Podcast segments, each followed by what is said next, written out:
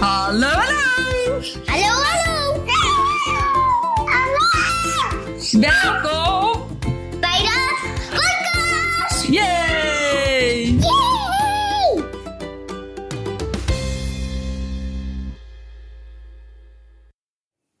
Hallo, vandaag een nieuwe podcast.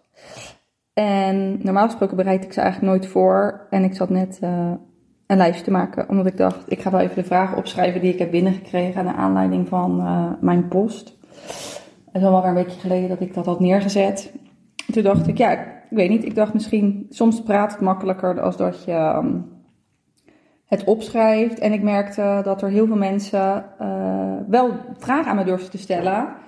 En soms ook vragen dat ik dacht, oh, ja, dat is dan voor mij al een soort van duidelijk. Of dat, nou, ik weet niet. Ik vind het ook mooi dat mensen dus dingen durven te vragen die ze normaal gesproken misschien niet durven stellen. En toen dacht ik, er heerst ook wel een soort, ja, ik weet niet hoe je dat moet omschrijven, want taboe klinkt het denk ik niet, maar een, een, een verkeerde kijk, denk ik, dat het zo benoemd wordt. Eh, ik ga jullie gewoon een heel klein stukje meenemen. Ik wil het ook niet te lang maken, dus ik heb het wel een klein beetje voorbereid. Maar ik dacht, aan de andere kant moet ik het ook maar gewoon, nou ja, hoe ik ben, gewoon lekker chaotisch gaan omschrijven. Maar in de wereld van borstkanker meenemen. Dan ben je 33 jaar en dan eh, krijg je die diagnose. Nou, ik vind het nog steeds, als ik het erover heb, vind ik het heel onwerkelijk. Ik kan het er wel echt prima over hebben. Ik vind het ook helemaal niet erg als mensen er uh, iets over vragen. Ik ben er eigenlijk wel, ik denk dat ik er heel erg open in ben en dat je me alles mag vragen. Uh, of ik kan vragen. Uh, dat ik ook dat niet erg vind. Ik merk dat sommige mensen, nou ja, soms uit nieuwsgierigheid gewoon heel graag iets willen weten. Wat ik snap, want ik denk dat ik dat ook zou hebben. En sommige mensen durven ook niks te zeggen, omdat het super eng is. Nou, dat snap ik ook. Want ik zou eigenlijk eerlijk gezegd niet weten hoe ik zou reageren. Als een vriendin van mij daarmee komt en zegt van, ik heb dit. Nu heb ik natuurlijk vanuit huis uit, ben ik ehm, opgeleid als farmaceutisch consulent. Dus al heel erg de behoefte om dingen uit te zoeken. Dus ik heb me toen ik die diagnose kreeg, kijk, als je het krijgt, dan, ja, je wordt op dat moment gewoon echt geleefd. Er stond inderdaad een vraag van hoe ervaar je het? Nou, die eerste periode, nou ja, die 12 augustus, dat heb ik natuurlijk al wel. Ik heb jullie een beetje meegenomen in het verhaal dat ik omschrijf. Uh, ja, dat je moet afwachten en dat die arts mij wel echt het gevoel gaf dat het niet oké was. Maar ik wil dan nooit in het negatieve zitten. Dus dat, ja, nou ja, dat, weet je, die, die eerste maand, dat is mega heftig. En toen ik kon starten, met, die, uh, met de chemo, ja, dan, dan is het echt. En dan, is het, dan landt het wat meer. En dan, uh, nou ja, landt het landt nog, soms nog steeds niet helemaal. Want ik vind soms dat ik het nog steeds over iemand anders heb. Maar dan, dan ben je begonnen. En ik vind het heel fijn als je dan ergens aan begint. En dat je dan, ja, ik hou gewoon heel erg van aftellen. Dat klinkt ook een beetje raar. Want ik krijg ook heel vaak de vraag uh, of ik dan dood ga. Nou ja, ik ga ooit wel dood. Dat is wel een lekkere algemene vraag. Maar niet nu. en ook niet snel, heb ik bedacht. Ik heb bedacht dat ik nog minimaal, uh, nou, minimaal 60 jaar op deze aardbodem uh, rondloop. Nee, maar even zonder gekkigheid. Uh, je hoeft niet per se aan kanker dood te gaan. En ik snap het wel. Want in eerste instantie... Nou, ik moet heel eerlijk zeggen dat ik niet meer heel goed weet wat ik dacht. Maar ik heb denk ik meteen de vraag gesteld, hoe lang heb ik nog? En toen zei zij meteen, ja, dat is helemaal niet ter sprake. Want, nou ja, ze moesten sowieso nog heel veel dingen uitzoeken. Omdat, dat wist ik ook niet. Je hebt dus blijkbaar heel veel... Nou ja, dat klinkt, dit klinkt ook overdreven. Maar ik wist niet dat je überhaupt verschillende soorten borstkanker had. Ik dacht, eigenlijk denk ik gewoon altijd... Je hebt kanker en that's it. En natuurlijk weet ik dat je daar verschillende geneesmiddelen op hebt. Maar ik wist niet dat daar... Uh, nou ja, er is ook echt nog wel een wereld daarin. En... Uh, ik vind het een fascinerende wereld als ik kijk naar mijn werk. Want dan vind ik het een, uh, ja, hoe zeg je dat? Interessant. Want mooi, mooi kan ik het niet noemen, denk ik. Maar ik wist, ja, ja, er zijn dus daar heel veel vormen. Je hebt een snelgroei, je hebt gradaties ook nog in groeivormen. Je hebt uh, wel of niet uh, uitgezaaid. Kijk, ik denk dat dat over, over, ja, over het algemeen de meeste mensen wel iets zegt. Uh, maar je hebt dus een hormoongevoelige en dat wist ik dan, nou ja, op zich, borstkanker is wel als je daarover nadenkt, is het niet gek dat die hormoongevoelig kan zijn. Maar je hebt dus ook een niet-hormoongevoelig. Dat, jij hebt ook een ehm, eiwitgevoelig. En je kan ook één van de vormen hebben. Eh, je hebt dan bijvoorbeeld triple negatief, dan heb je alles niet, dan scoort alles negatief. En ik heb dan de vorm triple positief, dus ik score dan op alles positief. Maar je kan dus ook daar tussen die twee, kan je nog eh, van alles hebben. En je kan ook nog, uh, daar kwam ik afgelopen vrijdag toen ik ehm, in het ziekenhuis was, kwam ik daarachter. Ja, je hebt dus ook behandelvormen dat je kijkt naar hoe groot de tumor is. En op basis daarvan beoordelen, beoordelen ze ook weer wat je dan krijgt. En inderdaad of het in je lymfeklieren zit. Maar dat vind ik, dat spreekt bij mij even voor zich. Maar ik kan als leek begrijpen dat dat niet voor zich spreekt. Dus dat vind ik een. Uh, ja, dat, dat, je ineens denkt: oh, ja, dan ga je. In ieder geval, ik ging dan helemaal in die geneesmiddelen duiken, omdat ik dan wilde weten wat ik ging krijgen. Ik denk dat ik het aller, allerergste had gevonden, want dat is nu niet zo. Ik denk dat die, die vraag uh, heb ik wel, uh, heb ik niet gekregen op mijn sticker, maar ik heb wel die vraag af en toe gekregen, of via de app, of inderdaad als privé. Ik heb al mijn eigen haren nog, en daar ben ik echt, echt heel erg blij mee. Dat die cold cap, daar heb ik wel eens wat over gedeeld, dat is een koud kapje die je tijdens de behandeling. Ja, die, die kan ervoor zorgen dat je dus je haren behoudt. Uh, maar dat, doet het bij mij dus ook, dus daar ben ik echt heel erg blij mee. Want ik denk dat ik dat het ergste vind. En ik denk omdat je dan meteen, ja, je oogt dan meteen ziek. Nu, ja, dat klinkt dan misschien een beetje stom, maar als ik een kutdag heb, dan uh, kan ik dat ook alleen aan JP bijvoorbeeld vertellen. Of alleen aan degene, aan mijn moeder bijvoorbeeld, omdat ik dat dan wil. Dan hoef ik dat niet tegen iedereen te vertellen. Want ja, en, en iedereen is er anders in. En ik denk dat dat ook mag. Want ik vind dat in het begin in het ziekenhuis uh, werken ze ook heel erg protocolair. En dan denk ik, ja, maar dit is niet volgens een protocol. Weet je, doe ook gewoon wat je zelf goed vindt voelen. Er is geen goed of fout. En dat vond ik in het begin heel lastig. Want er zijn heel veel meningen. Uh, je bent zelf helemaal van de leg omdat het met je gebeurt. En dan vindt iedereen er wat van. En ik ben helemaal niet, in ik denk, laat ik dan voor mezelf spreken, ben helemaal niet een negatief persoon. Uh, maar ja, ik had soms ook wel eens gewoon een kutdag. En dan, nou ja, ik weet niet, er vindt in ieder geval van alles, van iedereen wat van. En dat is lastig, want ik dacht, oh ja, maar als ik nu voor een kutdag heb, dan soms wil ik dat wel delen, maar soms ook niet. En, en dan denk ik, dan wil ik gewoon lekker in mijn eigen bubbel zitten. Maar niemand, omdat ik dus mijn haren heb, vind ik dat je niet per se ziet dat ik ziek ben. En dat vind ik fijn dat ik nu op het schoolplein loop en dat niet iemand per se denkt van, oh, zij voelt zich kut. Dat ik me dus in die bubbel kan verschuilen, want daar heb ik er gewoon even geen zin in om over te hebben. En soms, uh, ja, denk ik, oh ja, nee, kijk, je mag ook als ik me kut voel, mag je me wel van alles vragen. Want ik ben daar, ja, ik weet niet, ben daar gewoon heel open in en ik kan het ook wel heel goed plaatsen. En dat zei die arts ook, weet je, ik kan, ik begrijp die dingen echt wel. Alleen, ja, nou ja, weet ik veel, soms heb je gewoon een kutmoment en soms niet. En wat ik nu, nu echt leer tijdens die kuur is dat gewoon doen gewoon wat je zelf wil. Als jij, uh, jij daar wel, als jij weet ik veel, uh, met diegene wil afspreken, dan doe je dat. Ik heb dus ook niet de behoefte om met heel veel mensen af te spreken.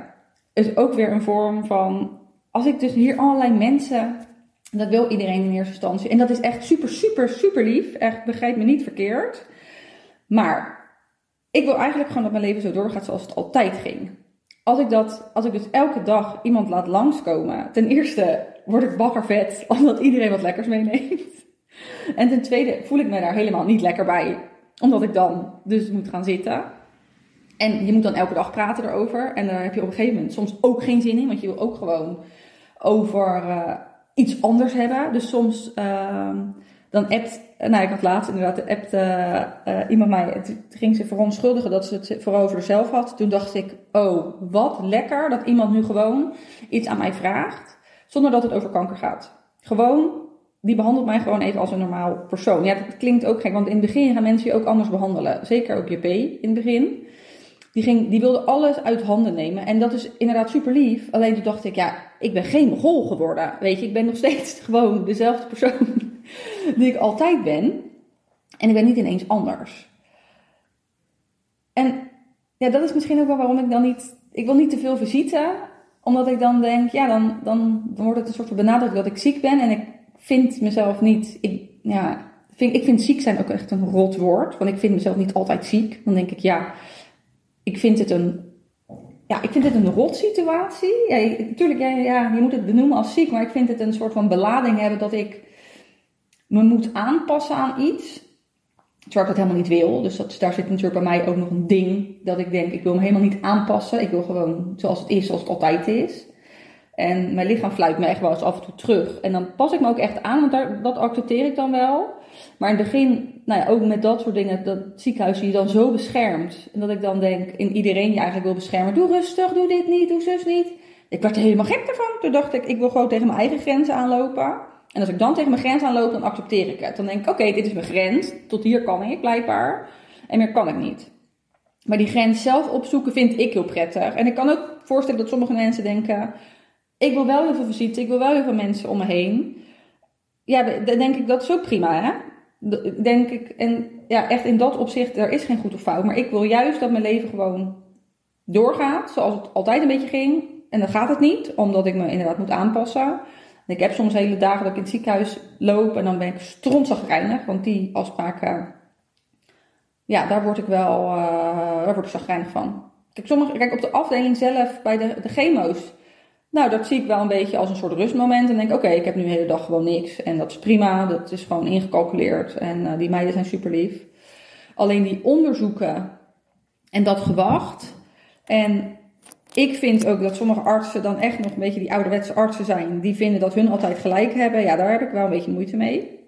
En de meiden op de afdeling, ja, die vind ik dan toch iets meer... eh, ja, ik weet niet, misschien ook een beetje hoe ik in het leven sta. Dat ik denk, oké, soms moet je ook gewoon aanpassen met wat er op dat moment is. En eh, ook iets meer luisteren naar de, nou ja, naar de patiënt. Of, nou, ik vind gewoon, een, sommige artsen die ik nu heb gehad, die vinden vooral dat ze het zelf heel erg goed weten. En dan denk ik, ik ben zo'n stomme eigenwijs patiënt die ook vindt dat zij het heel, heel goed zelf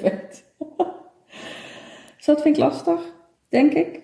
Eh, ik zal nog even naar mijn lijstje kijken. Om te kijken dat ik niet te veel chaos eh veroorzaak. Dat is denk ik een beetje nu een grote lijn eh, eh, hoe ik het ervaar. En ik dacht, nou, ik kan altijd nog even vragen hoe, waar jullie dan later nog... eh, nou ja, wat, wat, wat ik nog... Ik kan mijn reis natuurlijk de hele tijd blijven delen. Maar ik wil ook wel leuke dingen blijven delen. Omdat ik inderdaad, wat ik net vertelde... Ik vind het dus ook heel fijn als mensen mij gewoon als... ja, Sharon denk ik gewoon behandelen. Gewoon dingen vragen aan mij die, dat ze denken... Oh ja, daar kan ik Sharon wel even voor berichten. Want die, weet ik veel, je hebt daar een idee over. Of die... Dat, dat is echt heel fijn dat je je hoofd soms over iets anders mag nadenken. En daarom heb ik op een gegeven moment na keur 2 ook bedacht eh, dat ik een paard erbij wilde. Ja, dat is ook een beetje maf. En dan, dan bedenk ik dat en dan eh, komt dat dus ook op mijn pad. Dus easy gekomen. En ik voel me nu echt, als ik een goede dag heb, voel ik me ook veel beter als ik er dus wel op ga. Als ik dus wel beweeg. Ik voel ook dat mijn benen veel minder onrustig zijn. Want als ik dan weer dag 1 erin ga, die kuur. De eerste keer was mijn benen echt super onrustig. En ging dus super eh, ja, voorzichtig doen met mezelf. En daar werd ik echt eigenlijk. Misschien had ik wel te veel tijd om na te denken. Want als ik op zo'n. Als ik op het paard. Als ik nou ja, op Easy of op Toast stap. Dan kan ik niet nadenken. Dan moet ik gewoon met hun bezig zijn. En dat is zo lekker. En natuurlijk ben ik geen. eh, eh, weet ik veel, geen zware dingen aan het doen. Want dat gaat niet. Maar wel gewoon lekker rondsturen en even nergens aan denken. Lekker buiten zijn. Ik merk dat dat echt zoveel lekker is. En s ochtends vroeg eh, ga ik dus, nou ja, ik probeer, de eerste week voel ik me wel lamlendig. Maar probeer ik toch wel op tijd op te staan en dan gewoon mm, ja, meer op tijd naar bed te gaan. En dan, zodra ik die buitenlucht in kom, denk ik, oh, dit is zo lekker. En natuurlijk heb ik er heel veel moeite mee om mijn bed uit te komen. Dan denk ik echt, oh shit, je moet er echt uit nu. Nou ja, moet, moet niet. Maar ik weet gewoon dat ik me beter voel als ik eruit ga. En ik vind het ook gewoon gezellig om Bram en Roos dan even uit te zwaaien. In ieder geval, Roos blijft natuurlijk ook nog wel eens een paar dagen bij mij. Maar ik vind het wel leuk om even Bram uit te zwaaien. En dan denk ik, oh ja, ik voel me toch weer beter. Ik voel me dan toch minder misselijk. Minder, eh, ja, omdat ik dan bezig ben. En dan ben ik eh, niet eh, als een turbo. Wat ik normaal gesproken wel doe, want daar moet ik wel een beetje aan wennen. Dat ik niet meer de energie heb die ik normaal gesproken had. Maar ik vind het wel gewoon lekker om bezig te zijn. Dus ik, ja, in dat opzicht denk ik, ja, zoek, ja, ik denk, dan zoek dan juist wel die grens op. En weet dan dat dat je grens is. En dan kan je daartussen, kan je die 80% opzoeken. Maar als ik nog ineens mijn grens mag opzoeken, ja, dan weet ik ook niet wat 80% of wat 75% is. Dus in dat opzicht zou ik denk, ik denk van doe het juist wel, want ik voel me beter. Nou ja, je moet helemaal niks, want je moet doen wat je zelf prettig vindt. Maar probeer juist wel die grens dan een keer te ervaren en probeer daar dan van te leren. Want iedereen zegt dan, ja, doe voorzichtig. Maar dan denk ik, je weet helemaal niet waar- waarom je voorzichtig moet doen, want je weet je grens niet.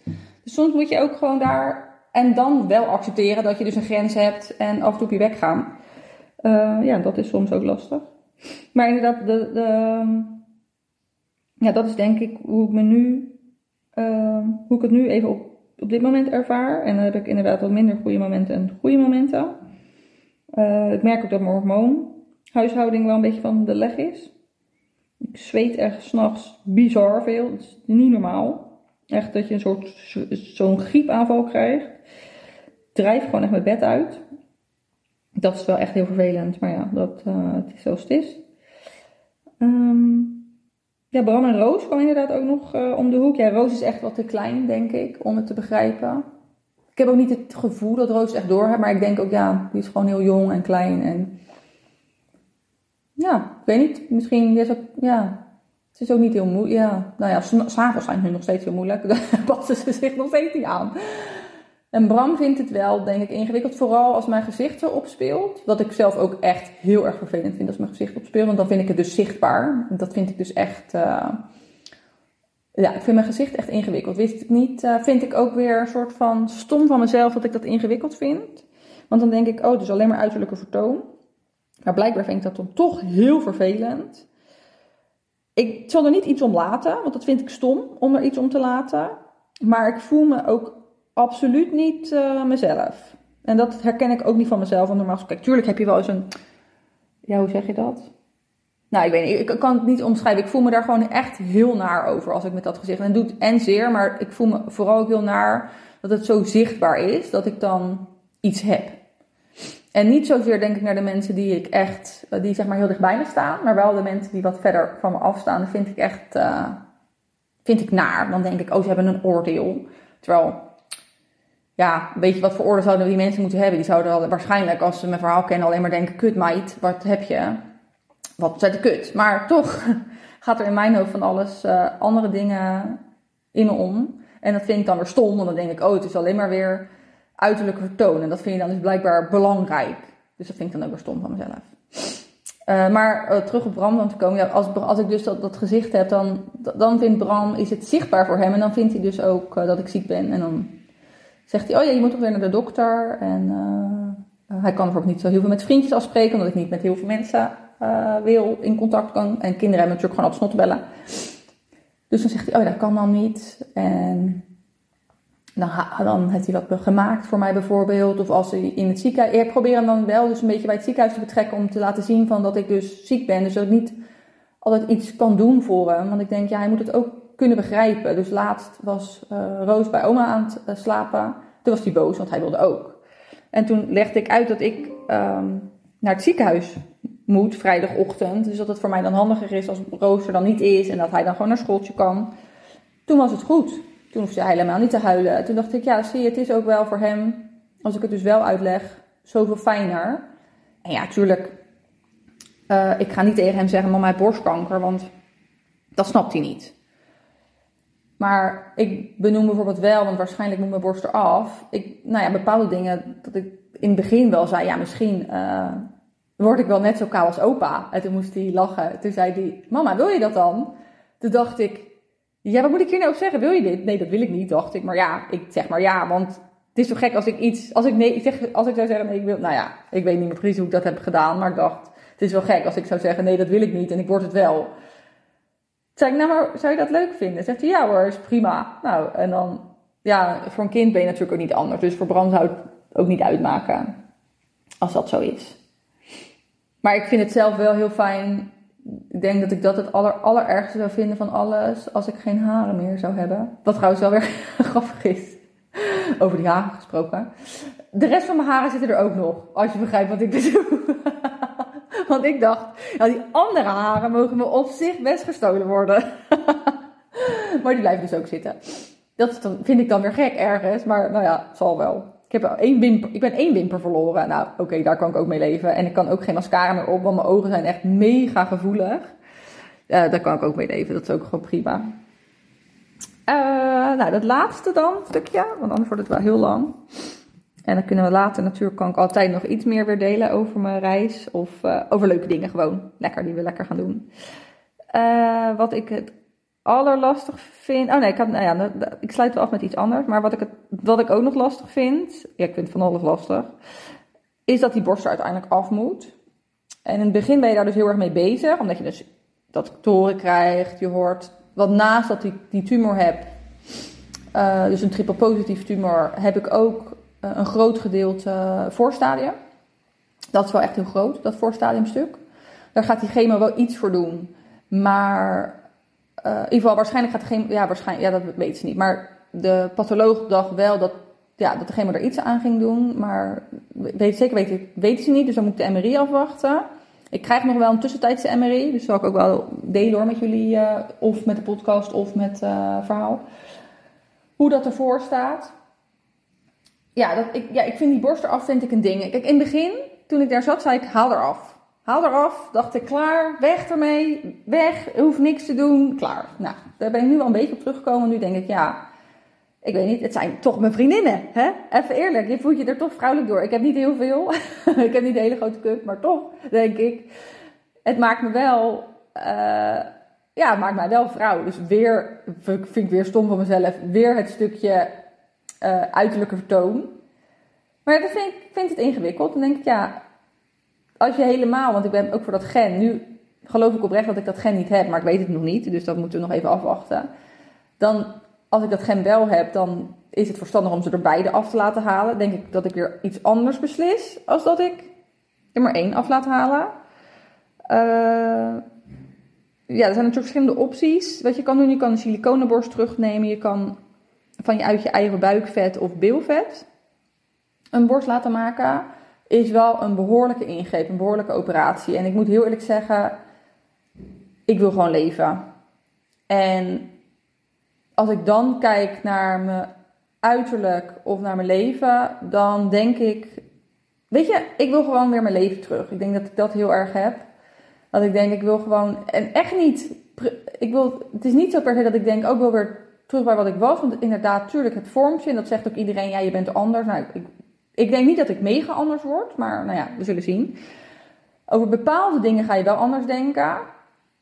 Ehm, maar ik wil gewoon mijn leven weer terug. Gewoon wat ik, waar ik mee bezig was. Met dingen creëren. Met creativiteit, leuke dingen doen. eh, veel te veel doen in te weinig tijd. Dat, daar krijg ik gewoon super veel energie van. En denk ik inderdaad wel de juiste dingen kiezen waar ik dan energie van krijg. Maar om dan weer een jaar een soort van, nou het is geen jaar, maar nou ja. Ik heb ooit een keizersnee gehad met Bram. Daar heb ik zo lang van moeten herstellen. En natuurlijk zeggen ze nu wel van, ja het is, het is buiten je. Dus het is niet dat ze in mijn buik natuurlijk gaan snijden. Het is, een borst zit erop en niet erin.